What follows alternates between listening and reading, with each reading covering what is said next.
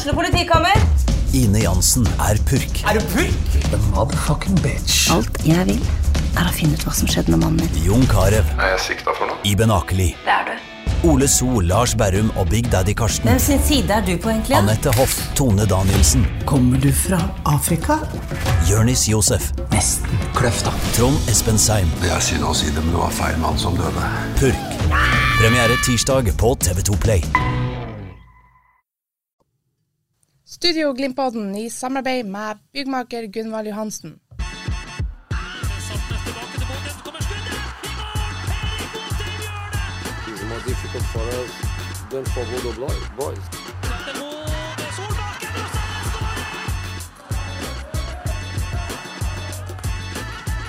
Let's enjoy it. Let's go. Riktig god dag og hjertelig velkommen til nok en utgave av Studio Glimt-podden, hvor det har skjedd særdeles mye spennende i det siste. Glimt har begynt å finne skåringsformen igjen, det har vært et par høydepunkt ute i Europa å melde om, og ikke minst stjernespekka panel nok en gang. Freddy Thoresen og Stian Høgland, velkommen først til deg, Stian. Hvordan har du det? Nei, jeg har det fint. Det har vært eh, noen morsomme dager med, med god lokal eh, leveranser på idrettsbanen. Hva legger du i det? Lokale leveranser? Nei, det er du har nå Bodø-Glimt, men eh, jeg er jo vel så glad i andre lokale idrettslag. og Junkeren sine håndballjenter og Granen har berga plassen, og Junkeren håndball, nei, fotballgutta har rykka opp. Og, ja, nei, så mange som leverer på høyt nivå. Det er mye lys å se fram til. altså. Det begynner å svinge litt ifra Bodø lokal idrett igjen. Endelig, for det er ikke mange år siden vi hadde, hadde elitelag på eh, håndball, håndball herre, fotball dame og Bodø-Glimt, og så gikk det, gikk det et par år, og så hadde vi ingen.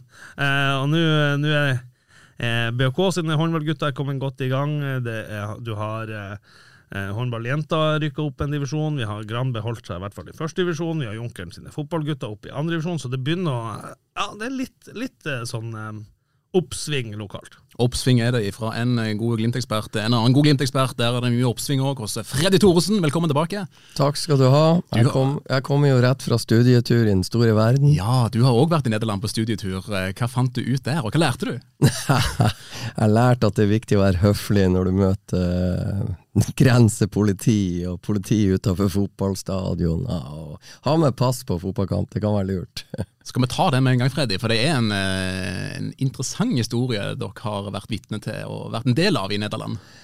Ja, altså den er jo ganske lang, men eh, kortversjonen er at vi, vi henter ut en leiebil på flyplassen i Frankfurt, og den leiebilen varer i tre timer. Så begynner, begynner vi å ane. Det er åtte fotballnerder i bilen, det er ikke så mange av de som har kunnskap eh, om eh, hva som skjer under panseret, men eh, det ble jo bom stopp rett før vi skulle se eh, Victor Oko Boniface på hjemmebane i eh, Løven mot eh, Sporting Braga. Bilen stoppa ti minutter fra stadion, og panikken bredde seg.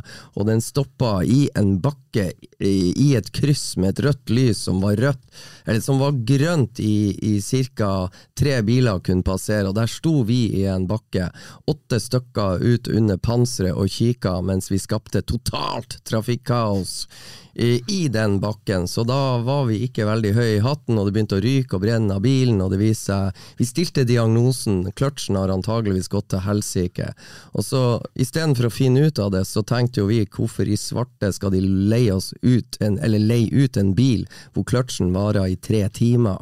Det var mer der vi var irritert for at vi så at eh, kampen kunne gå til helsike, så uh, istedenfor å bruke krefter på hvordan vi kan komme oss av gårde. Men når vi står og diskuterer og krangler om hvordan, hva er rett tiltak, så får bilen kjørt seg ned, akkurat nok til at vi kunne komme oss til stadion, som som sagt lå ti minutter unna. Og det som berga oss, var at Victor Boniface to timer i forveien hadde bare sendt et sånn 'trenger dere parkeringskort'? Det var ingen av oss hadde tenkt på. Ja, svarer jeg på den. Gjerne, så fantastisk.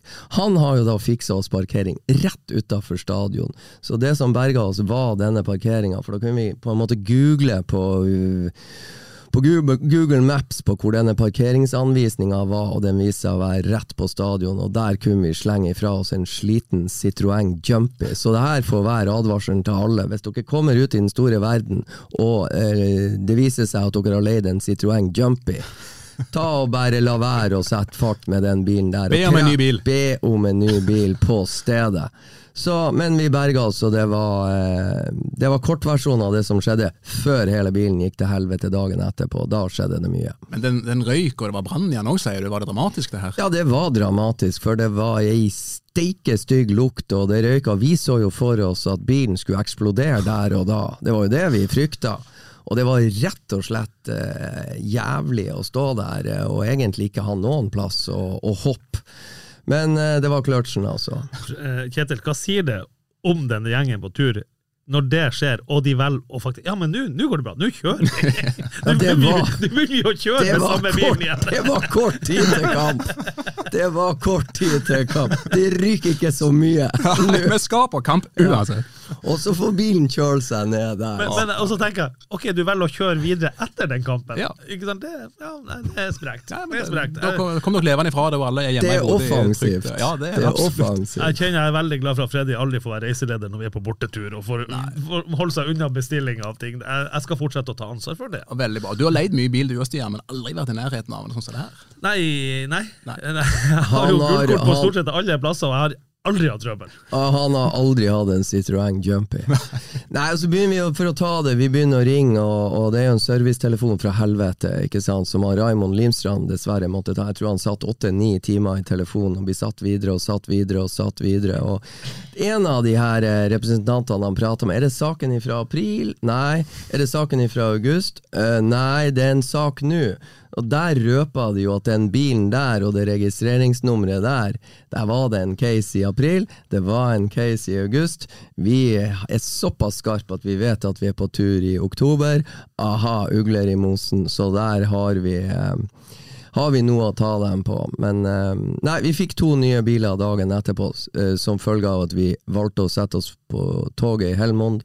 Dro tilbake til Tyskland der vi hadde leid bilen, så fikk vi ut to nye biler på flyplassen i Düsseldorf. Så etter at vi møtte opp fysisk, ikke sant, da var det en helt annen story enn å, eh, enn å prate med de på telefon. Så møtte de opp fysisk, så gikk alt bare godt. Kanskje vi bare må legge ut en, en melding i våre kanaler på registreringsnummer på denne bilen her, og biltypen. Bare oppfordring til våre følgere. Styr unna. Ja, jeg kan vel si som så at eh, styr unna Citroën Jumpy. Dere trenger ikke registreringsnummeret. Jeg, jeg stempler alle Citroën Jumpy.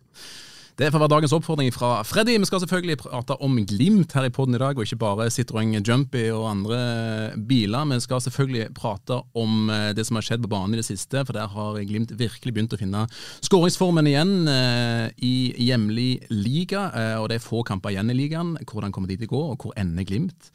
Det skal bli spennende å se på. Og så må vi selvfølgelig òg svinge innom Europa, det som har skjedd der, og det som skal skje. I studio altså Freddy Thoresen, Stian Høgland og programleder Kjetil Rakkenes Anda i dag.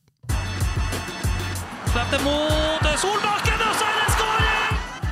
Vi skal begynne på Intility stadion, eh, for der var det fest eh, når Glimt kom på eh, besøk.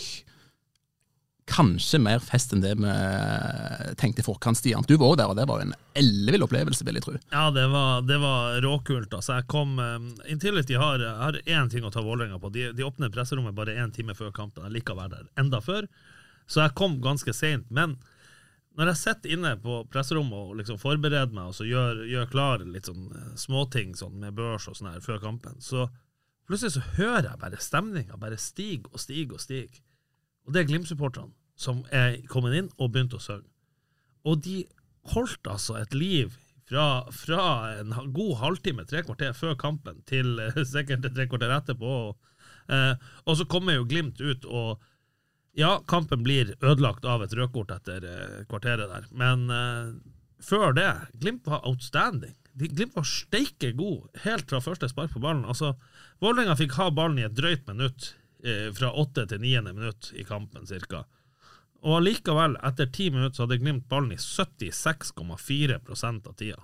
Det forteller alt om den starten Glimt hadde. De spilte rundt Vålerenga, og jeg bare tenkte ok, hvis dette blir kampbildet, da blir Vålerenga sliten, da kommer de til å sprekke opp, men eh, ja, nei, det, det ble jo en, eh, det ble jo et fyrverkeri og morsomt å være til stede på. Og diskusjonen i forkant gikk jo på at, iallfall i hvert fall i mine kretser, at dette var jo noe som Eh, kanskje kunne betegnes som en skjebnekamp, eh, Freddy. Vålerenga har vært i et særdeles godt sig i det siste, har vist gode kvaliteter. Eh, kunne dette være en kamp om medaljer, men så feier Glimt altså all tvil til side. Er du overraska sjøl over at de presterte på det nivået?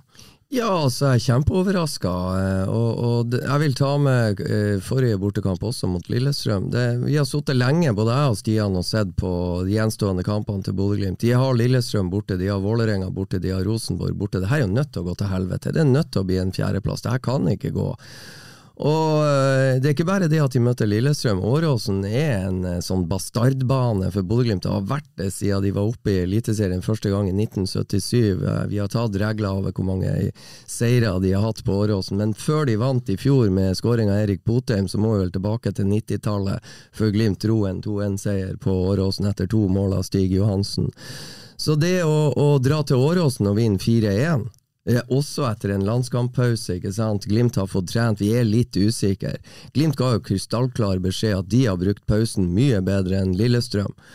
Og eh, så følger de opp da med, med 6-0 over Vålerenga. Og sorry, eh, rødkort er en del av fotballen. Jeg har sett ganske mange kamper. Det, det eneste jeg kan garantere med en rødkortkamp, eh, når du sitter som nøytral tilskuer, er at det blir pisse kjedelig. Det ene laget ligger og murer igjen, og, og spenninga er borte, og til slutt kommer det et vinnermål. Bodø-Glimt driter jo i det. De skårer tre mål før pause, og de fortsetter å skåre tre mål etter pause. Det er bare å gå inn og se. Det er lettere sagt enn gjort, for å si det rett ut. Og det er jo det som er så outstanding av Bodø-Glimt, at uh, de spiller sitt spill, og Vålerenga har til slutt ikke noe skyts å komme med. Uh, så jeg tror på en måte det som ødelegger kampen for Vålerenga, er at Glimt skårer første målet i bølgen etter situasjonen som førte til, til rødkortet. Og så tar Glimt ekstremt godt vare på på, på, eh, på muligheten, da. Og eh, det å stå igjen med 10-1 etter eh, to bortekamper på Intility og på Åråsen, det er intet mindre enn dødsterkt, altså. For forrige bortekamp før Lillestrøm, det var jo borte mot Tromsø-Stian, som alle husker hvordan det gikk. Nei. Du husker ikke det, du har fortrengt det, den er grei. Eh, Jeg kan minne om at de ble 3-2 til Tromsø den kampen her. Og det er jo, har jo snudd fullstendig, som Freddy er inne på. Altså Fire med Lillestrøm, eh, 6-0 mot Vålerenga.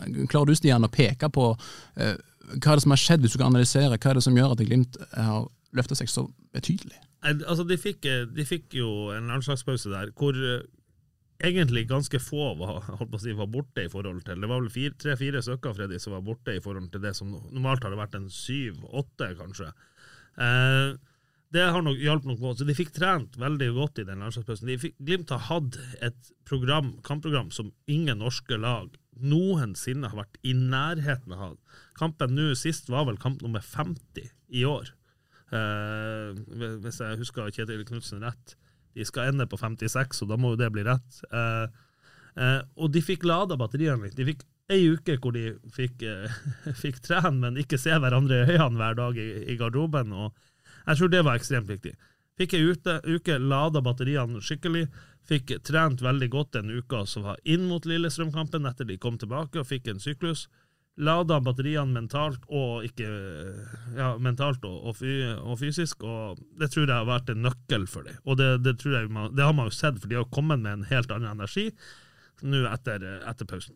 Men det, ja, unnskyld, Også- Freddy. Og så har de fått, eh, som Stian er inne på, Hugo Vetlesen blir igjen i Bodø og pleier kroppen istedenfor å reise med U21-landslaget. Ola Solbakken er på vei tilbake etter skade og får på en måte Alfons var ikke med. Al Island. Alfons var heller ikke med til Island. Pleier kroppen, ikke minst også hodet mentalt. Og så eh, og så eh, registrerer jeg da eh, Så Glimt får trent godt, og så registrerer jeg bortforklaringa til KBK er at de ikke fyrer på alle sylindere hjemme mot et Haugesund-lag de strengt tatt skal slå, er at de hadde en tøff cupkamp i beina mot Viking. Ja, det er jo helt rett, de måtte ut 120 minutter i den cupkampen. Det gjorde at de ikke hadde noe å fyre med på søndag mot Haugesund hjemme.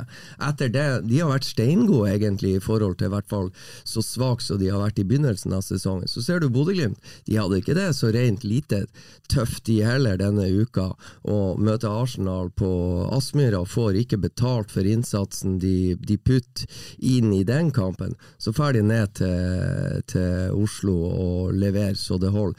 Så, eh, og så ser jeg òg at eh, Kjetil Knutsen og trenerteamet rullerer litt grann mer. Det er en Marius eh, Høybråten inn, det er en Marius Lode ut. og De bruker mannskapet på et vis ganske fornuftig nå, og, og er så bra trent at de klarer å stå i det tøffe kampprogrammet som er. Så mange faktorer. Men det er jo et kampprogram som de helt garantert har en ambisjon om å beholde òg. Altså de vil være i Europa de neste årene òg hva som skal til da for at de kan stå i det kampprogrammet uten å gå på sånne smeller som man gjør mot Tromsø? Altså, er man avhengig av en landslagspause for å få hvil folk, eller kan man gjøre tilpasninger i det daglige som gjør at man takler det bedre? Man er avhengig av å ha mer eller mindre skadefri tropp, og det har de nå. Altså, eller Ulrik er jo litt sånn uh, ute å kjøre, men, men det, det er klart Patrick Berg og Marius Lode kommer inn i uh, Glimt-modellen igjen etter å ha vært ute. De, selv om det er eh, formidable navn fotballmessig, så trenger de også en liten sånn tilnærmingsperiode for å komme inn i det de holder på med på Aspmyra. De må spille på seg selvtillit som har forsvunnet ute i den store verden.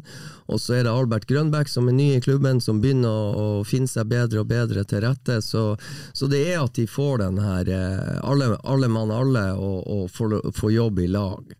Jeg tror, jeg tror, det blir faktisk å løse seg veldig enkelt og greit allerede til neste år.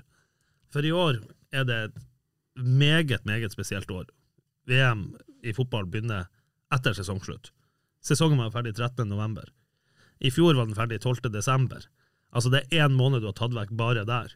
Eh, har du fått én måned ekstra på å gjøre alt det Glimt skulle gjort i år, så kunne det, bare det kunne vært nok til at de ville, de ville fått flere uker, eh, altså søndag-søndag-kamper. Nå har de spilt søndag, torsdag, søndag, torsdag, søndag, torsdag helt siden, helt siden juni.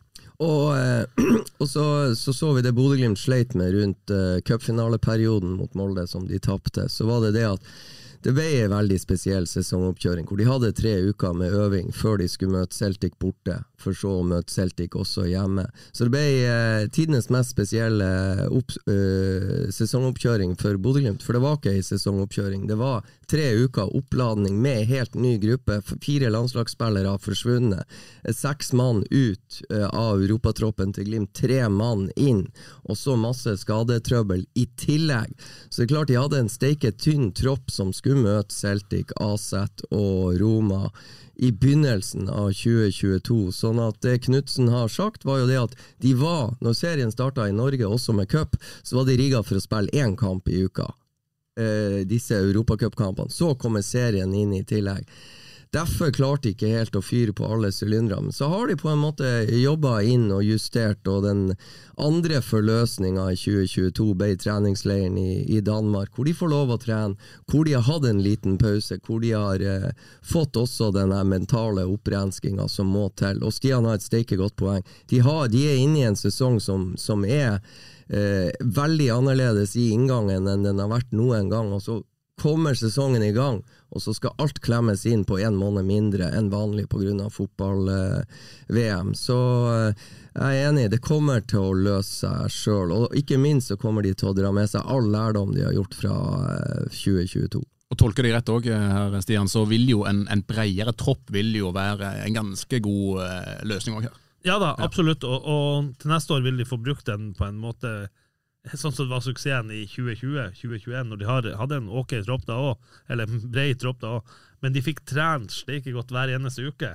Så også de som ikke spilte mye, var, fikk være der og pushe de som spilte mye. De spilte jo 11 mot 11 hver eneste eh, onsdag, nei, torsdag, eh, Freddy, også i, på trenings, eh, treningsukene. Så det tror jeg kommer til å løfte Glimt eh, til neste år. Og så ser vi jo at det, blir muligheter for hele troppen òg, for det kommer skader, og folk er opptatt med altså landslagsoppdrag og den type ting. Eh, man lurte kanskje litt på hvor i verden skal Albert Grønbæk, Albert Grønbæk passe inn i det her, for eh, Saltnes hadde beslag på den plassen. Eh, nå ser vi jo at Grønbæk kan få sjansene. Ja, absolutt. Og, og vi snakka om karantene og sånn. Jeg, jeg, satt og tenkte på det. Glimt får sin første karantene i år nå på søndag. Høybråten. Høybråten har sitt fjerde gule. Det er ganske spesielt at med det kampprogrammet som har vært, og de har spilt, og Høybråten og, og veldig mange som har spilt så sinnssykt mye. Eh, at de, det første spiller i serierunde 27 Ja, det- er det en som har sonen. Ja, det tror jeg aldri har vært borti. Og det er et kjempegodt poeng. Jeg så det òg. Eh, serierunde 27. Første Glimt-spiller må sone én kamp for karantene. Og da er det jo veldig fint at det er på stoppeplass, for der er det mange å velge i. Mm. Vi må ta, jeg, jeg var innom eh, Grønbæk òg, og det var du òg, Freddy. Men um, han hadde et uh, ikke fullt så godt innhopp, om det var Hjemme mot Sandefjord. Hjemme mot Sandefjord. Vi kan vel si at han har eh, svart litt på tiltale. Jeg tror Stian Høgland fikk se en annen Albert Grønbæk på Intility enn det verden fikk se på Aspmyra mot Sandefjord. Ja, det er det ingen tvil om. Albert var Han har en sånn eh, quickness i, i Ikke bare offensiv, men også i det defensive spillet. Han, eh, han vinner en del baller. Det så vi også mot Arsenal når han kom inn. Altså, han, han har eh, han har en del X-faktorer, Albert Grønbæk, som gjør at jeg tror det kan bli ei vanvittig Glimt-signering. Og han er i ferd med å begynne å vise det. Og, og så er vi inne på det som, det som Glimt har fått gjort mye i 2020 og i 2021. Det er jo øve på trening på det de skal gjøre i kamp. Og for Marius Lode, for Patrick Berg, for Albert Grønbæk, for Lars Jørgen Salvesen. De har knapt fått trening ei normale treningsuke til å tilpasse seg det her. De har på en måte brukt kampene, og så har det vært jobba med video for at de skal forstå hvor og hvordan. Men det er klart, det er ingen bedre måte å forstå det på enn å, enn å prøve å, å føle på det i praksis på trening. Altså, det å øve i praksis på trening for så å gjennomføre i kamp, og det har de knapt gjort, og det tror jeg på grunn av det tøffe kampprogrammet. Det må på en måte være sånn.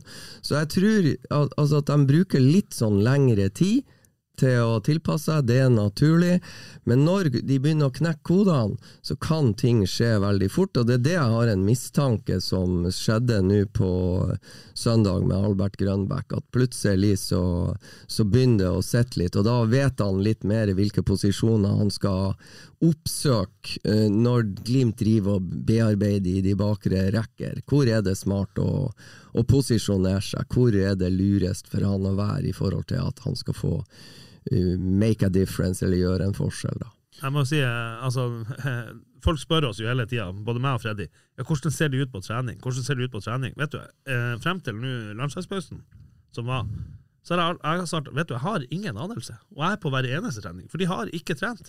Altså, Jeg kom fra ferie, jeg har sagt det mange ganger, jeg kom fra ferie 25. juni, var jeg på jobb. Da så jeg sånn, sånn lettrening, for det var jo etter, to dager etter cupkamp. Siden da, til landslagspausen, så hadde de ei uke hvor de fikk ei treningsuke. Jeg så ei uke med vanlige treninger, ellers var det kun restitusjon og kampforberedelse. Du kan ikke definere det som en trening når de har restitusjon. De, de, de, de er på feltet. trening, men, men det, de er på feltet, men det er liksom ikke det der som, som Bodø-Glimt er, er med, med, med intensitet og punch og sånn. Ja, det er det i, i, i som dagen før kamp, er det det i en ganske kort periode, men det er ganske rolig i og med at det er to dager etter kamp. Eh, vi hadde jo vår, vår kjære markedssjef Per Evin Schjong var så trening i går. kom han til meg i lunsjen og sier han, eh, jeg var så Glimt-trening. Det er ganske vanvittig intensitet på de treningene. Det går ganske unna. Eh, Ja, så du kan si det som, det som er det, det er ikke så mye drilling av offensive, defensive mønster. Det er å holde kroppen i shape. Og så er det en del øvelser som eh, f.eks. possession-øvelse, hvor de skal holde ballen i laget og innenfor små områder. Og, og det, det blir da øving på å holde kroppen og, og, og hodet i gang, men det blir ikke så mye samhandlingsmessig og relasjonelt eh, i forhold til det de skal gjøre i kamp. Så de trener godt, og det er forholdsvis høy intensitet på det, men eh, det, det er liksom ikke øving på hvordan man skal bryte ned motstander som parkerer bussen. Det er det som er, blir på en måte forklaringa. Og så er du òg inne på et eh, poeng, Freddy, som eh, det er ikke så lett å forstå for meg. Jeg tror ikke det er så lett å forstå for andre heller, med men noe som Trond Olsen har trukket fram i en artikkel med oss nylig. Eh, viktigheten av det å ha en god sesongoppkjøring. Nye spillere som får være med på en sesongoppkjøring. Lars Jørgen Salvesen, som har eh, eh, blitt kritisert av mange eh, etter overgangen. Eh, Trond Olsen peker på at la han få en sesongoppkjøring, så skal det pokker meg seg at han begynner å levere. Er du enig i det, Stian? Er helt enig. 100 eh, Altså, vi var, vi, både jeg og Freddy har sett stort sett alle sesongoppkjøringer Bodø-Glimt har hatt siden, siden 2000, i hvert fall for egen del. Og eh, det har aldri vært så spesielt som det er i år. For det, de, de trente ei uke hvor de kjørte på litt, og så var det egentlig syklus. Det var syklus, syklus, syklus på grunn av at de skulle spille mot Celtic. Eh, normalt så har du jo liksom gønna på med litt ekstra for å putte ting i banken. Eh, nå har det ikke vært noe problem at Glimt har vært dårlig trent i år, det, det er overhodet ikke det jeg prøver å si, men, men, men de har putta ting i banken. Nå var det liksom kampforberedelse. kampforberedelse. Eh, så jeg har også tro på at eh, et par av de nye her, når de får vinteren på seg, og de, de drar vel en måned, tre-fire uker til, til Spania, tror jeg, fra, fra januar, og da da tror jeg det kommer til å se ganske stor forskjell når de kommer hjem derfra. Hvordan vil det her klaffe med et eventuelt sluttspill i Europa, Freddy? Nei, det er jo akkurat det som, eh, som er holdt på å si et veldig godt uh, spørsmål, for uh, uh, Ja, altså Glimt sleit i fjor. Glimt sleit i fjor. De hadde, eller sleit i fjor, konsekvensen av å lade opp til å fyre ganske godt på alle sylindere borte mot Celtic ble at uh, ting blir urytmisk for dem. Men som jeg sier, de har lært så hvordan de på en måte differensierer og, og, og uh, mobiliserer inn til til en eventuelt eh, kamp i Europa League eller i Conference League i januar-februar. Jeg vet ikke, Stian. vet ja, det, blir vel slutten, det blir vel midten av februar, sånn så, sånn så i, eh, i, år. Midten av februar, ja. Men jeg tror det, da, da eh, kan det hende de, de begynner ei uke tidligere og jobber ei uke lengre med å putte ting i banken, og så har de en eh, bredere stall å, å jobbe med, og de har ikke minst flere spillere som, som har vært med på det her, og som kjenner til systemet, selv om det antageligvis blir noen utskiftninger også inn inngangen til det. Ja, jeg vet, jeg vet litt om hva Glimt skal gjøre. De er, nu, de, I og med at blir, de er ferdige en måned før, så for i år får Glimt-spillerne faktisk ferie. De tar ferie fra 14.11. Eh, så begynner de allerede 4.1. Det det er et par uker, par uker før de begynte i fjor. Eh, og så skal de trene jeg tror jeg de trener i Bodø, for, for jeg har fått beskjed om eh, fra noen andre at de skal spille mot Junkeren 12.1. Det blir første test.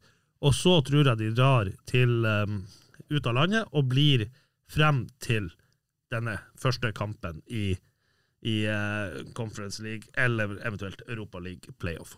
Ja. Det er ikke noen tvil om at uh, det er gode muligheter for å komme dit i et eller annet sluttspill. Det kommer vi tilbake til om litt. Studio Glimpodden i samarbeid med byggmaker Gunvald Johansen. It's more difficult for us Boys. Da har vi dekket veldig godt det som har skjedd i Eliteserien i det siste, men vi må også se på det som skjer framover. For det er en eh, spennende avslutning på sesongen, gutta. Det er Kristiansund hjemme på søndag, og så er det Rosenborg borte uka etterpå, og så er det Viking hjemme, og så avsluttes det med kamp på Marienlyst, der det ikke ble henta noe gull denne gangen, men det kan hentes andre edle metaller. Hvis vi skal spå litt, Freddy, hvor ender Glimt til slutt, tror du? Nei, jeg føler meg rimelig sikker på at europacupplassen kommer de til å sikre med bravur og glans. Og så er jeg spennende. Nøkkelen til sølvmedaljene er, er, på Lerkendal. Men det kan jo hende at Bodø-Glimt får hjelp hos eh, Molde eh, i helga. At Molde slår uh, Rosenborg der, og hvis, ikke jeg, hvis Glimt gjør jobben i de andre kampene, så tror jeg faktisk at Glimt kan tape. Hvis Molde gjør jobben mot Rosenborg, så kan Glimt tape mot Rosenborg på Lerkendal, worst case, og så Uh, blir Glimt nummer to allikevel, men uh, det hadde vært steike mye artigere hvis uh, Glimt drar ned til Lerkendal og, og make a real statement der neste helg. Så, så Nei, de blir to eller tre, og jeg håper de blir nummer to. Og det er fullt mulig å bli nummer to med den formen Glimt viser nå. Og jeg tror også de har formidabelt lyst til å bli nummer to. Og Stian ser på meg at jeg er litt mer optimist av og til enn han, men det er ikke umulig for Bodø-Glimt å dra til Lerkendal og ta ett poeng, det kan jeg bare garantere. For å ta situasjonen nå, da. Kampen, eller eh, før eh, kampen mot Kristiansund hjemme. Molde har vunnet serien, det vet vi. De har 66 poeng per nå. Bodø-Glimt på andreplass med 51 poeng. På tredjeplass er Rosenborg med 50 poeng. Og fjerdeplass er Lillestrøm på 47. Så det er ikke noe tvil om at det er jevnt, Stian. Men um, sølv, bronse eller fjerdeplass? Eh, nei, jeg leverte jo fasit før sesongen. Ja. Da tippa jeg jo Molde nummer én, Bodø-Glimt nummer to og Rosenborg nummer tre. Så, um, Du er på god vei. så, så, så i og med at jeg er så sinnssykt dårlig å tipse som jeg er, det viser jo bankkontoen min alt om, og oddskontoen mine enda mer om, så da blir vel Glimt nummer tre, da. Ja.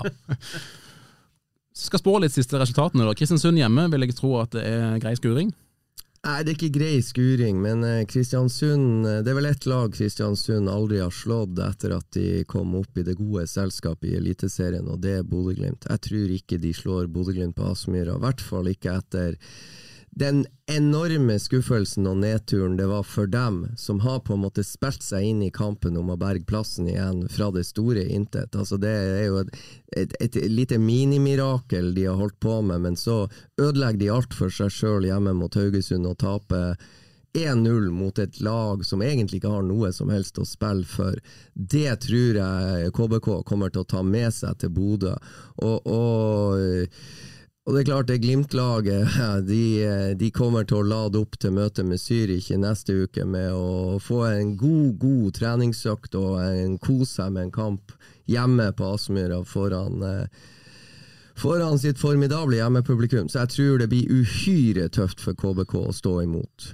KBK har eh, tre tap på de eh, fem siste. Haugesund var du inne på, og så tapte de òg borte mot Viking. Men det er jo et lag med kniven på strupen, eh, Stian. Nå har ikke regna helt fint på det, men om de må ha poeng mot Glimt, de, de tar, må iallfall ta det, det, de får. Altså, De er nødt til å slå Glimt. Ja, ja de, altså, Kristiansund, de, de, toget går jo. Ja. Eh, og det gikk jo egentlig i juli, for de, men, men, de må, som Freddy sier, de har, de har eh, fått et lite halmstrå, men de må ta poeng på Aspmyra. Uh, aller helst tre, fordi de hadde nok kalkulert i den her uh, Hvis de så hvor de kunne hente poengene, så var nok tre poeng hjemme mot Haugesund var nok en av de de skulle ha. Så har de nok ikke kalkulert poeng på Aspmyra. Så jeg er jo livredd for denne hjemmeformen til Bodø-Glimt i serien. De har vel de har 6-6-1 nå. De har kasta vekk så mye tullepoeng hjemme. Uavgjort mot HamKam, uavgjort mot Haugesund. Uh, uavgjort mot Tromsø.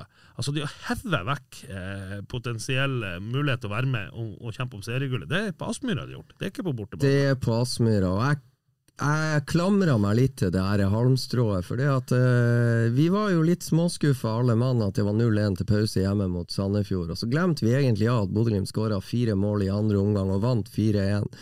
Og så gjentar jeg da at eh, Sandefjord er et lag Bodø-Glimt knapt har vunnet med mer enn ett mål. Jeg tror det ble en sliteseier i 2020, og det ble en sliteseier på Aspmyra i 2021 hjemme mot Sandefjord. Vi tapte faktisk borte mot Sandefjord i 2021 også, og en 2-1-seier med det var vel Ulrik og Boniface som skåra. Eh, borte mot Sandefjord i år og borte mot Sandefjord i 2020. Så det at Bodø-Glimt slår et lag som Sandefjord 4-1, det har de jo knapt gjort ever. Det er jo egentlig da et godt tegn. Så jeg håper at de har knekt kodene nå hjemme og, og eh, bruker kunnskapen de har opparbeidet seg for alt det er verdt, også mot eh, KBK og et vikinglag som kommer i, etter møtet mot uh, Rosenborg hjemme på Aspmyra, hvor Bodø-Glimt virkelig antageligvis har en del revansjelyst etter det som skjedde i Stavanger tidligere i sesongen. Så det er et såra dyr som kommer til Aspmyra. Det tror jeg Glimt-spillerne virkelig har lyst til, bare å stikke ut all, all pust av uh, når de nå kommer opp hit. Og sikkert litt revansjelyst fra i fjor òg. Da ble det vel 2-2 på Aspmyra mot Viking, hvis jeg husker rett? Ja, det er helt rett. Vet om Berisha begge. Helt korrekt. Du husker resultatene til Viking bedre enn resultatene til Bodø-Glimt, Anda? Er rart med det. Ja, det har noe med dialekten å gjøre. kanskje, kanskje. Jeg vet ikke. Nei, men jeg tror ikke det Jeg tror ikke Bodø-Glimt trenger Bodø-Glimt-spillerne trenger mye motivasjon. Det er bare å se drakten til Viking, så skal de ut og eh, pelle dem kraftig på nesa, jeg er redd må vi litt innom Rosenborg òg, Stian Lerkendal. Neste uke, og det ryktes jo at det skal bli en ny fest fra J-feltet der òg? Ja da, det blir det. det før, før, vi, før, jeg er ferdig med setninga, så kan det godt hende at bortefeltet på Lerkendal er utsolgt. Altså, så det er, og Hvor mange er det? Det blir jo 1000 stykker. Eh, de det var vel Og det, det, må utvides for at det feltet, ja. Bortefeltet må utvides for at det skal bli plass til ja, 1000. De har, de har, jo et som bortefelt, og så har de et felt ved sida som også er et bortefelt hvis det trengs. Eh, og i går når jeg så, så var det noen og 30 billetter igjen. Og da utvida de med, to, eh, med den, dette andre feltet, og det er 209 billetter ekstra. og ja, det er noe med det der, når folk begynner å høre at oi, oi, oi, da bestiller de billetter. Eh, Det har vi sett, det har vi sett på Aspmyra også, og, eh, og med Parken og, og, og diverse andre. Så eh, det bortefeltet på Lerkendal det blir utsolgt, og det kommer til å sette Glimt-supportere også andre plasser på Lerkendal. Det er jeg helt sikker på. Vi kommer tilbake til supporterne litt senere òg, men, men eh, det er imponerende det supporterne gjør på Intility. Det er jækla mange der òg. Men der har man, man har Glimt i sør, men det er masse nordlendinger som bor sørpå. Det er ikke fullt så mange nordlendinger som bor i Trondheim, eh, gjetter jeg. Så her er det, det er kanskje en enda større mobilisering med å få så mye folk til Lerkendal. Ja, altså er det egentlig for å Det er jo lettere å reise til Oslo fra Bodø enn det å reise til Trondheim. Det er i hvert fall eh, billigere. Eh, det er flere fly å velge i. Ok, du kan ta tog til, til Trondheim, men det er, det er rett og slett enklere å komme seg til Intility for en bodøværing bosatt i Bodø som ønsker å se Bodø-Glimt borte. Så jeg tenker at Glimt har fått mange nye venner eh, rundt om i Norges land eh, etter 2019, 2020 og 2021-sesongen. Så jeg tror det kommer eh, Bodø-Glimt-supportere fra både Trondheim og Oslo og Bodø og Nord-Norge til Trondheim i, i anledning den kampen her. Eh, Og det kommer til å bli snakka og hausa opp, og jo mer det blir hausa opp, jo flere blir det som kommer. Hva er dine viktigste argument Stian, til at eh, Glimt slår Rosenborg på Lerkendal? Uh, ja, det, vel, Glimt uh, har et bedre grunnspill enn Rosenborg. De har en mer innarbeida stil.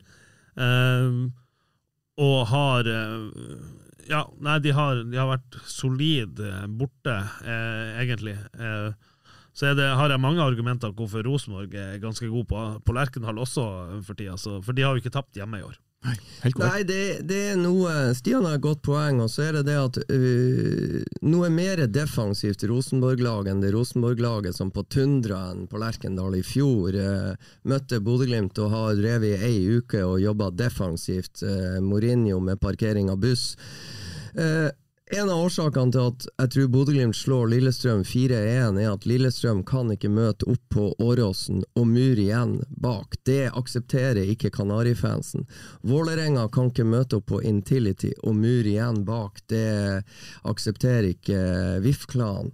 Så det å på en måte møte opp på hjemmebane og skal mur igjen på Lerken, Jeg tror Rosenborg er nødt til å satse på noe mer enn giftige kontringer med Vecchia og Tengstedt og de gutta der, Carlo Holse. Jeg tror de må yppe seg litt mer. Og det at de må antageligvis bli tvunget til å yppe seg litt mer, kan være eh, det som gjør at Glimt får de rommene de trenger for å straffe eh, Rosenborg også på Lerkendal. For når Glimt får de der rommene, så skal det steike lite til for at de eh, straffer motstanderne. Det har i hvert fall vært tilfellet på Åråsen, det har vært tilfellet på Intility. Jeg forventer at det blir sånn halvveis tilfelle også på Lerkendal. Jeg sier ikke at Glimt vinner, men jeg sier at Rosenborg skal få problemer med å slå Bodø-Glimt. Dette vi snakket om før, Stian, med at det var vanskelig for Glimt å spille på gress versus kunstgress. Er det en ikke-diskusjon nå? Ja, hvis vi tar eh, Nå er jeg steike dårlig å huske alle kunstgresskampene, men Lillestrøm borte, kunstgress, 4-1. Gress. Gress? Gress, ja. Gress, gress, ja, gress, sorry, gress. 4-1. 4-1. 4-1 til Ja, Bodø-Glimt, ja. ja. Haugesund borte, kunstgress. Nei, gress. Herregud, gress! Steike. Eh, Det var seier. bare ei lita Ja, Hjerneblødning. Så- og så har de, de har- Jerv. Jerv borte. 2-0. Gress. Ja. Gress. Ja, gress. eh, og så er det vel bare Rosenborg som har gress igjen eh, ellers. Ja. Eh, Eh, de vant eh, De har vunnet Europa på gress. Ja, altså det var en Så Glimt har vært god på gress i år. Det var en ganske bra forestilling eh, på, på gress i Eindhoven mot PSV. En, eh, en eh, tøff bortebane. Glimt spilte 1-1 og var strengt tatt steikenært å stjele med seg alt på slutten med Hugo Vetlesen. Så Glimt har vært god på gress. Det er det ingen tvil om. Ja.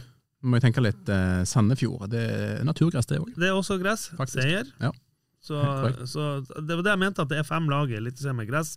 Glimt har møtt fire av de. De har vunnet fire av de. Gresspøkelset er begravd, kan vi vel i hvert fall si.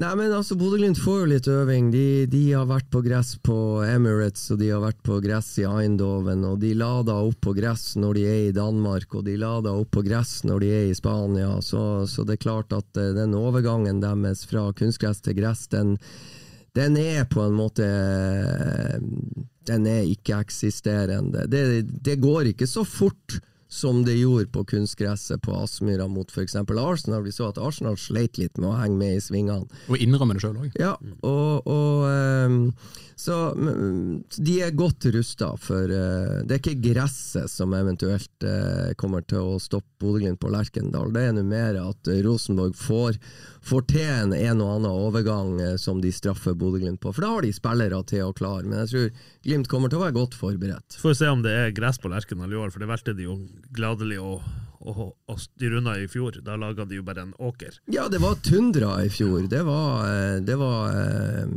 Ja, det er ikke godt å si hva det var. Jeg, tundra er det nærmeste jeg kommer. Men så gjør jeg oppmerksom på at jeg mener det er sydd inn mye kunstgress i gresset på på Lerkendal, så det er jo en liten sånn bastardbane som eh, kommer Glimt til gode, tenker jeg. I, I fjor så, så var det jo Vi var jo der, vi satt jo så, de valgte jo ikke å brøyte banen før kampdag. De hadde ikke på noe særlig varme.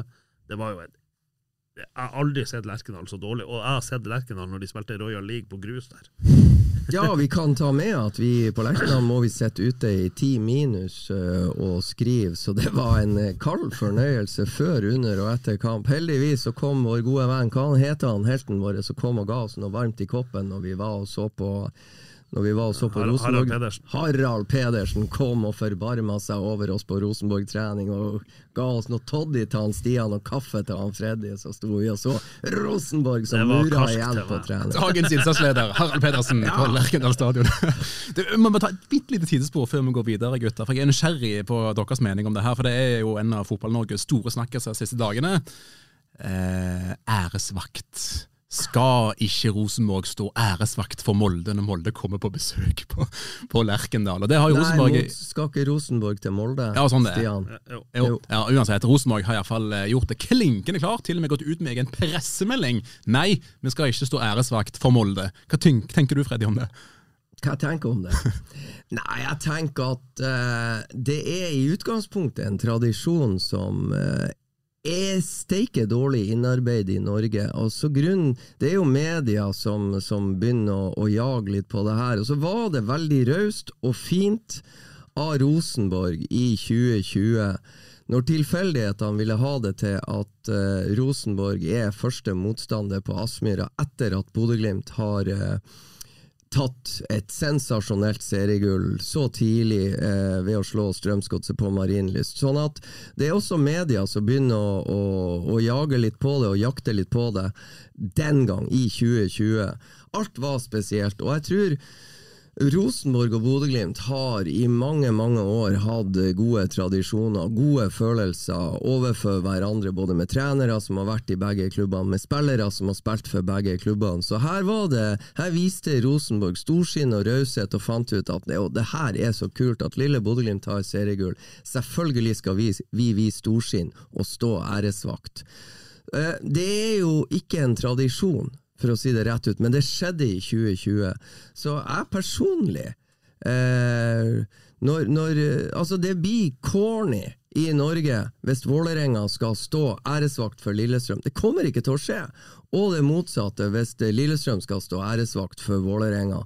Og to som ikke liker hverandre, det er Molde og Rosenborg. Det må man respektere. Så eh, jeg personlig syns at den der eh, Det er ikke noe tradisjon i norsk fotball. Det blir skrevet mye, det blir haussa opp, og jeg lever veldig godt med at, at Rosenborg sier 'sorry, det her kommer ikke på tale'. Burde, jeg lever godt med det. burde Bodø-Glimt stått æresvakt for Tromsø hvis Tromsø hadde vunnet serien? Altså, Med, med Fredriks argument at det er ikke en tradisjon i Norge. Det må gjerne for min del bli en tradisjon i Norge, for jeg syns det er en fin tradisjon fra England. Og jeg tror United sto for City. Eh, de liker ikke hverandre spesielt godt, de heller. er rett, ja. Ja, eh, altså, så, så, så, men eh, Og klart, skal det bli en tradisjon, så må du starte. I, I 2021 var det aldri noe tema, for da ble det avgjort i siste runde. Eh, eh, så så det, det skjedde sist gang det var muligheter. Så, eh, men, men jeg kjøper argumentene også til Rosenborg, for når Molde velger å bruke sin gullfeiring på å stå og rope at eh, Rosenborg skal stå æresvakt for oss Æresvakt er noe du gjør med ære, for det er ingen i Rosenborg som ikke, så, så jeg har lest i hvert fall, som ikke uh, hyller det Molde har gjort i år. For Molde har vært outstanding. De slå- har satt rekorder som Glimt ikke var i nærheten av i 2020, i antall seire på rad, f.eks. Eh, eh, så akkurat det tror jeg Altså, Rosenborg kunne ha gjort det, hadde det ikke vært for at det der At Molde liksom vi skal det, For æresvakt er en ære, det er, noe, det er ikke for å drite ut noen. Nei, det er litt det er noe med klimaet. Det, det, det fine i engelsk fotball er at der er det en tradisjon, og selv Manchester United står og hyller Manchester City, og det er sikkert noen som hyller Liverpool eller Arsenal, men, men der er det tradisjon når det passer, og, og som Stian poengterte, det var ingen som kunne stå æresvakt. Uh, for Bodø-Glimt i 2021, eh, selv om Mjøndalen, som rykka ned, måtte på en måte ta en del av, av festen i, i, til Glimt-fansen i skuffelsens time etter eget uh, nedrykk. Så det er vanskelig å unngå. Men eh, jeg tror uh, Molde burde, En del av Molde-spillerne burde holdt seg for gode til å proklamere på egen gullfest at det var nærme, de var jo nesten mer glad for at Rosenborg skal stå æresvakt. Så det, der blir det jo provosert mer enn eh, det som godt er. og, og men, men eh, skal, skal, det her med æresvakt innføres og, og, bli en tradisjon i norsk fotball, så må det jo, bør det jo opp på høyere nivå, og så må det sies at sånn ønsker vi det når det, når det passer. Og så lever jeg personlig godt med jeg, jeg hadde ikke reagert hvis eh, Rosenborg hadde stått æresvakt, det hadde jeg syntes hadde vært fint. Og så reagerer jeg heller ikke på at de lar være, for jeg skjønner at de kanskje føler seg litt provosert. Så tenker jeg at det er veldig fint når det skjer, og når det skjer, så er det naturlig, og når det ikke skjer, så er det gode grunner til at det ikke skjer. Da konkluderer vi med at panelet i Studio Glimt eh, lever veldig godt med at eh, Rosenborg ikke står æresvakt for Molde denne gangen. Studio Glimt-podden i samarbeid med byggmaker Gunvald Johansen.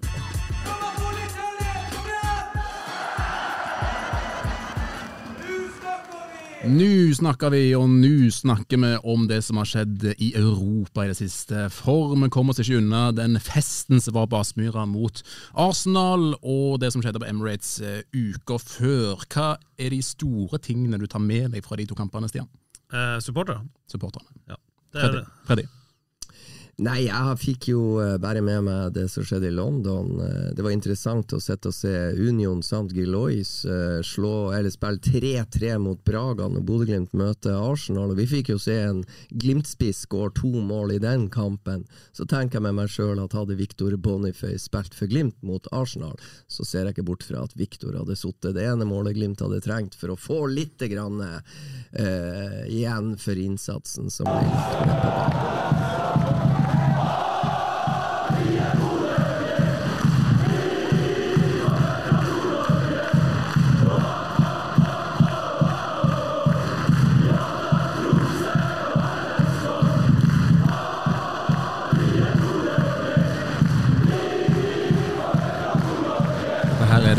Som har lagt ut sjøl i sine sosiale medier, og det er jo eh, vanvittige bilder. Og det er jo en sang og eh, en stemning som bare har spredd seg for alle vinnere. Det er, jeg må innrømme, Stian, rått å se på når det her skjer. Ja, det er det. Det, det var rått å se på. Emirates, det var rått å se på. Aspmyra, for da var det faktisk ikke bare J-feltet. Eh, på runde to og tre av den der, så satt eh, Så spratt hele eh, Sorry uttrykket, fucking stadion opp og gjorde det. altså, det, det, var, det, det var så, Jeg satt inne der og bare det her er så kult!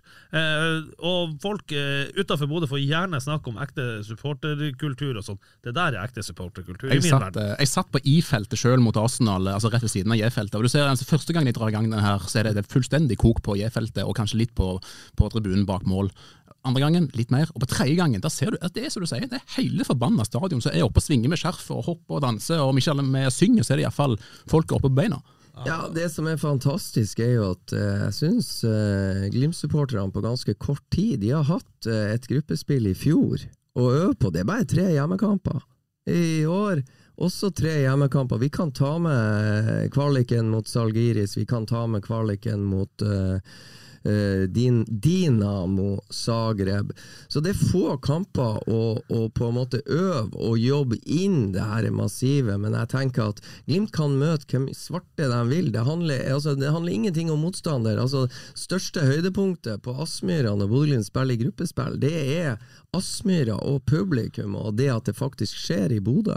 Det har de klart å skape, og det er helt formidabelt. Og det er jo noe som uh, britene òg sperrer øynene opp uh, for når eh, Bodø-Glimt var eh, på Emirates. Jeg snakka sjøl med flere Arsenal-fans i Bodø eh, da de var her, og det var liksom dæven for noen supportere. da. Og Du så det i sosiale medier, du så høytstående journalister som tvitra om det her òg, at det var Ja, og, vanvittig imponerende. og de fikk føle det sjøl i Bodø, men de fikk en forsmak. Emirates tar er 60 000, Stian? Ja. Nærmere 60 000, der var det 5000 antageligvis bodøværinger. De satte sitt preg allerede der, så det var en, eh, en forvarsel på hva som kom til å skje i Bodø, og det er helt fantastisk, altså. Jeg var, som sagt, jeg var en av eh, få i reisefølget mitt som satt og så Union St. Gilois mot Braga. Resten satt og så Bodø-Glimt Arsenal på mobiltelefonen på, på stadion, så eh, og de fikk med seg det massive fra Aspmyra-publikummet også på en liten stadion i Løven. Det er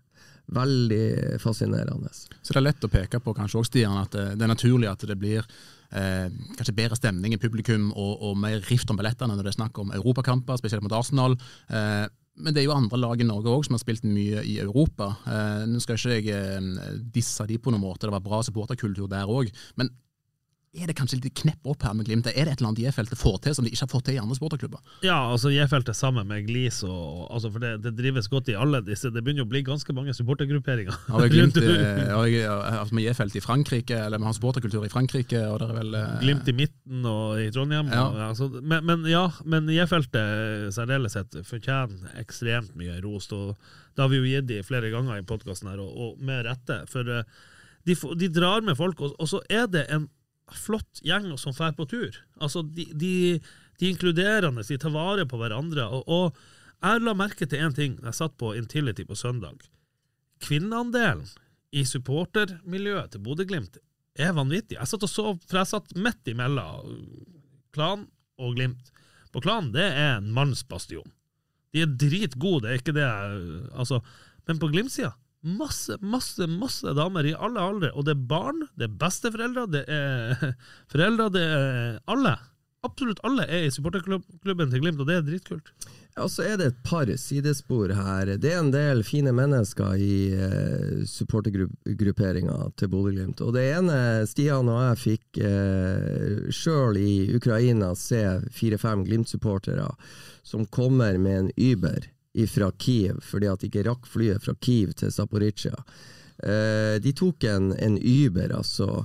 Og vi skulle ha et bilde av sjåføren men, eh, av denne bilen, men han hadde jo ikke tid, for han måtte bare snu, kaste av de her Glimt-supporterne og kjøre tilbake sju timer tilbake til Kiev og familien sin. Men i etterkant så har jo disse Glimt-supporterne som fikk denne turen, eh, hadde litt pengeinnsamling og solgt litt effekter, og fått over til denne sjåføren i Kiev og bidro til at han kunne komme seg ut av Kiev før krigen brøt løs. Det er én ting. Og så kan vi ta vår kjære venn Ravna som, som det var en, en, en, et bilde av en uteligger i Oslo som vel har et skilt med vips hit, og så han, sitter han i Vålerenga-jakke. Jeg tror det var en lynsupporter som hadde tatt bilde her. Eh, vips hit eller dit, og nei, jeg kunne ikke vips det, han satt jo i Vålerenga-jakke. Så ser Ravna det her. Sender, vipser 50 kroner til denne uteliggeren, og så sender han det ut i sosiale medier. Og, og oppfordrer alle andre supportere til å gjøre det samme. Det ble en steike fin story i ei avis i Oslo om denne For det var jo et Vipps-nummer til dattera til han som satt der. Og det var litt sykdom og fanteri i den familien her. Og dattera som, som ser at det begynner å komme inn penger oppi 10 000 kroner på en konto, fra det store intet. Og, og, eh, så det ble en fantastisk historie av det. Av denne familien som, som trenger penger og hjelp til både det ene og det andre. Han uteliggeren som satt der for å få litt mat og litt varmt i koppen. Og, og det var en operasjon og et eller annet som, som skulle gjennomføres. Så alt starta med en Glimt-supporter som på en måte viser raushet, vippser 50 kroner, oppfordrer resten av supportermiljøet i Norge til å hive seg med, og så gjør de det.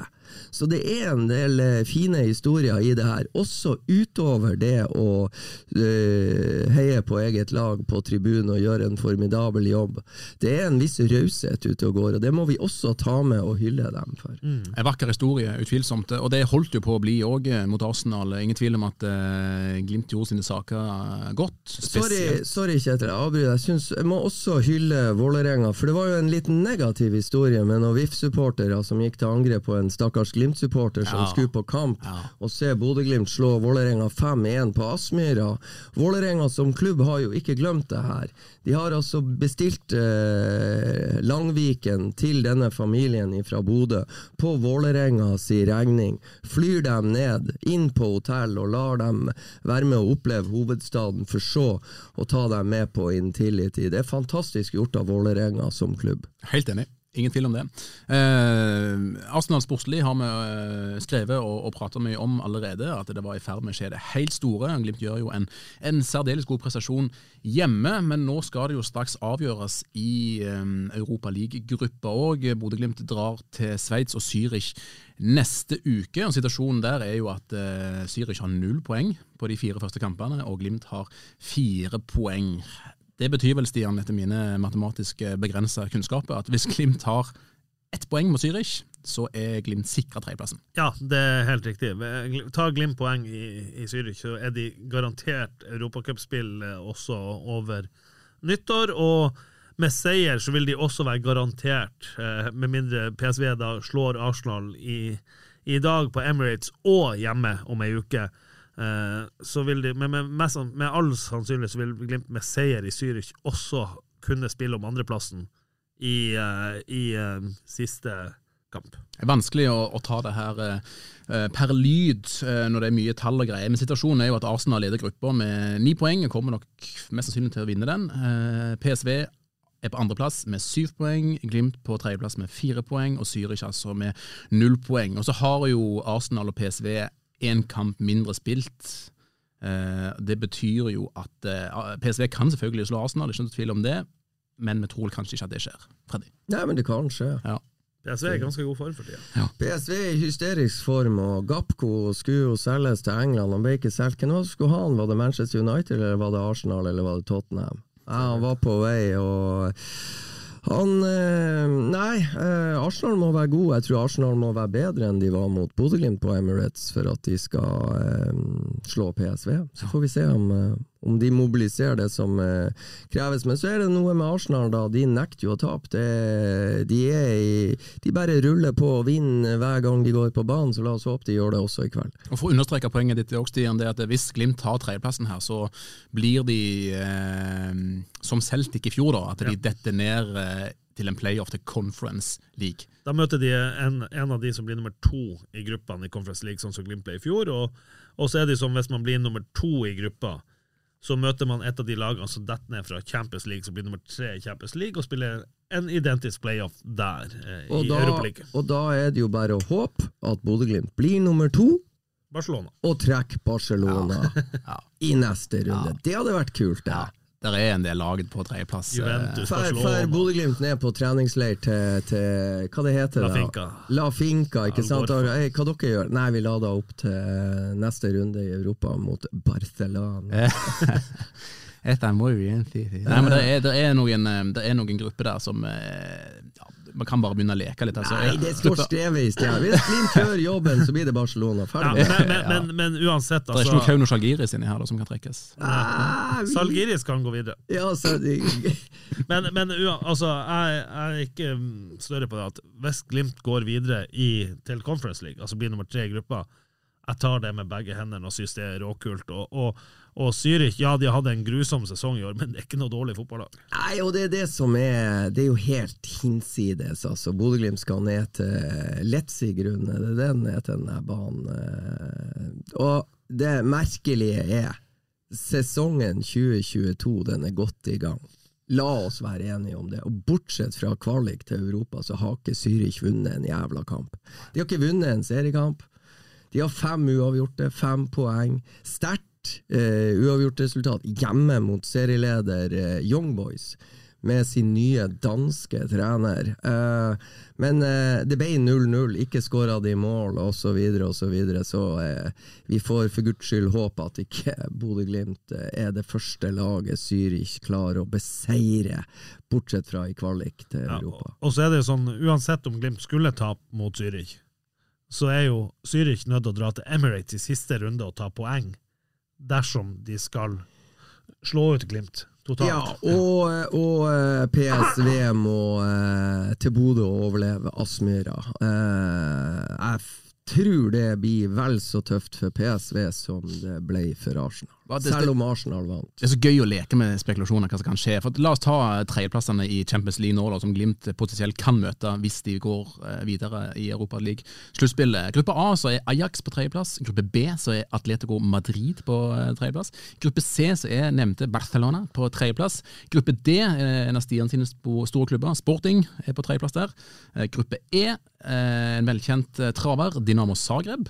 Og i gruppe F, Sjaktar Donetsk. Gruppe G, Sevilla. Og gruppe H, Juventus. Det er så vilt å tenke på. Dynamo Zagreb. Nei, Dynamo Zagreb. Nei takk. Nei, Ja. takk. Nei, men eh, det blir jo spansk. Det blir Sevilla, Atletico Madrid eller Barcelona. Det er i hvert fall Barcelona. Nei, jeg hadde tatt en tur til mitt kjære Portugal, jeg. Ja, det er jeg ikke i tvil om. Men, men vi må tenke Nei, litt tenk hvor eh, kult, da! Barcelona eller Juventus er in the making. Smak på den. Ja da, det er, og det, er ikke, det skal ikke veldig mye til heller. Tenk å møte Juventus nå. De kommer til å få kjørt seg så på Aspmyra at det blir pinlig. Hæ? Sure italienere i vintermørket på Aspmyra. Ja, ja, ja. Det hadde vært aldeles fantastisk. Det er en Men- jobb som skal gjøres først, da. Det er det, og det mest sannsynlige per nå er jo at det blir en tredjeplass og Conference League. Og vi må jo ikke uh, være mindre ærlige enn som så at eh, Glimt har kanskje mer å gjøre i et Conference League-sluttspill enn Europaliga-stian. Ja, men det der, er, det der er noe av det dummeste jeg hører. Det er som det samme som sier at Ola Solbakken er ikke god nok til å være Han burde takke nei til Roma, for han er ikke god nok til å spille for Roma. Hvordan i all verden skal man bli god nok til et nivå hvis man ikke skal trene på det nivået? Det altså så Nei. Eh, Hvis Bodø-Glimt blir nummer to i gruppa, så skal vi ta det og smile, og så kommer Bodø-Glimt til å gjøre to steike gode kamper også, for vi mente jo også at Glimt hadde ikke sjans mot Celtic. Kommer de til å få kjørt seg på Celtic Park? Ja, de gjorde jo ikke det, da. Eh, vi trodde jo også at de skulle tape mot Alkmaar, som var et av de beste lagene i Nederland, for det er jo så sinnssykt nivå i Nederland. Det gikk ganske bra, det òg. Så nei, jeg tror at hvis Bodø-Glimt blir nummer to og havner i en playoff mot Champions League-motstand, så kommer de til å, eh, til å levere to gode kamper. Og hvis de ryker ut med, med huet og ræva først, ja, da har de lært ganske mye, og kommer til å stå bedre rusta hvis de havner i samme situasjon enn senere. Og jeg sier, bare, jeg sier i hvert fall Juventus kommer til å slite på Aspmyra. Ferdig med det. Barcelona klarer nok sikkert å holde litt mer i ballen, men eh, de kommer til å slite, de òg. Noe av det verste de kan møte, er Sjaktar Donetsk. Ja, det, det er jo For de er gode på kunstgress. Ja. Ja. Og så er det ikke noe Det klinger liksom ikke. Nei. Nei. Nei. Hva du tar eh, Freddy? Tar du eh, Jeg tar Juventus eller Barcelona. Ja. Ja. Så eh, Ja, for ja. altså, blir det nummer tre, så vet vi at det blir da Et eller annet mirakuløst vis så klarer eh, Zalgiris å bli nummer to i sin eh, conference-gruppe, og så blir det en ny tur til Vilnius, men Nei da, det, det Jeg håper at eh, Glimt gjør en god jobb eh, i neste uke, borte mot Zürich. Jeg håper de avslutter med litt sånn bravur, at de gjør en god prestasjon borte mot Zürich, og at det blir minimum poeng. Jeg håper på seier. At de tør å være seg sjøl, og at eh, ja, også at de fortsetter hjemme mot eh, PSV Eindhoven her. Det tror jeg blir en formidabel avslutning på gruppespillet i uh, Europaligaen. Jeg tror det, altså. Det er ikke noen tvil om at det er utrolig kult å følge Glimt om dagen. Det er masse kule kamper, det er gode prestasjoner, og så kan det gå eh, langt i år som det gikk i fjor. Har dere noe å legge til, gutter, før vi runder av?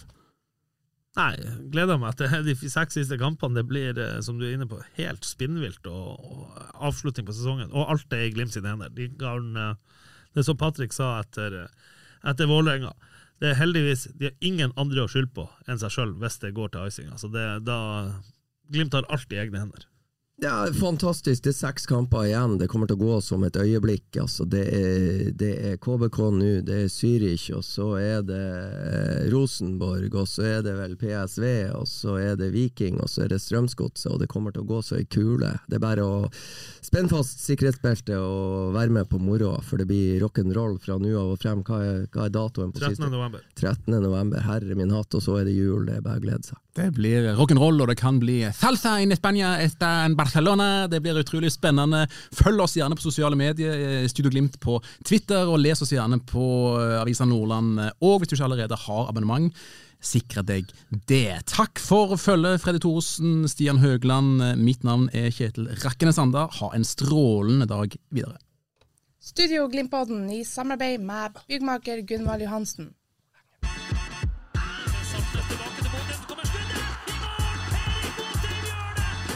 Difficult for us than for Bodo boys.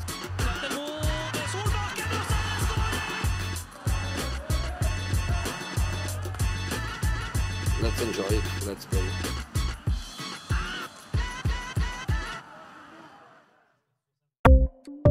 Ukens annonsør er HelloFresh. HelloFresh er verdens ledende matkasseleverandør og kan være redningen i en travel hverdag. Mange av oss har nok vandret i butikken både sultne og uten en plan for middagen, som ender med at vi går for de samme kjedelige rettene gang på gang. Middag burde være dagens høydepunkt. Som HelloFresh kan du nå velge mellom 25 ulike retter hver eneste uke, eller få HelloFresh til å sette sammen menyen for deg. Dette gir deg muligheten til å prøve nye og spennende retter alene eller sammen med familien. Du velger antall porsjoner og får alt levert på døren på et tidspunkt som passer for deg. Oppskriftene er enkle, og maten er lett å lage både for store og for små. Ved å få alt levert hjem får du også mer tid til å dele matgleden med familie og venner. Kanskje det frister med asiatiske tacos eller greskinspirert kylling? Da kan jeg anbefale deg om å gå inn på hellofresh.no. Her kan du bruke koden FOTBALL og få opptil 1779 kroner i rabatt på de første fem matkastene hvis du ikke har prøvd HelloFresh tidligere. Du kan også bruke rabatten hvis du har vært kunde og stoppet abonnementet ditt for tolv måneder siden eller lengre. Gå inn på hellofresh.no og bruk koden FOTBALL. Har du et enkeltpersonforetak eller en liten bedrift?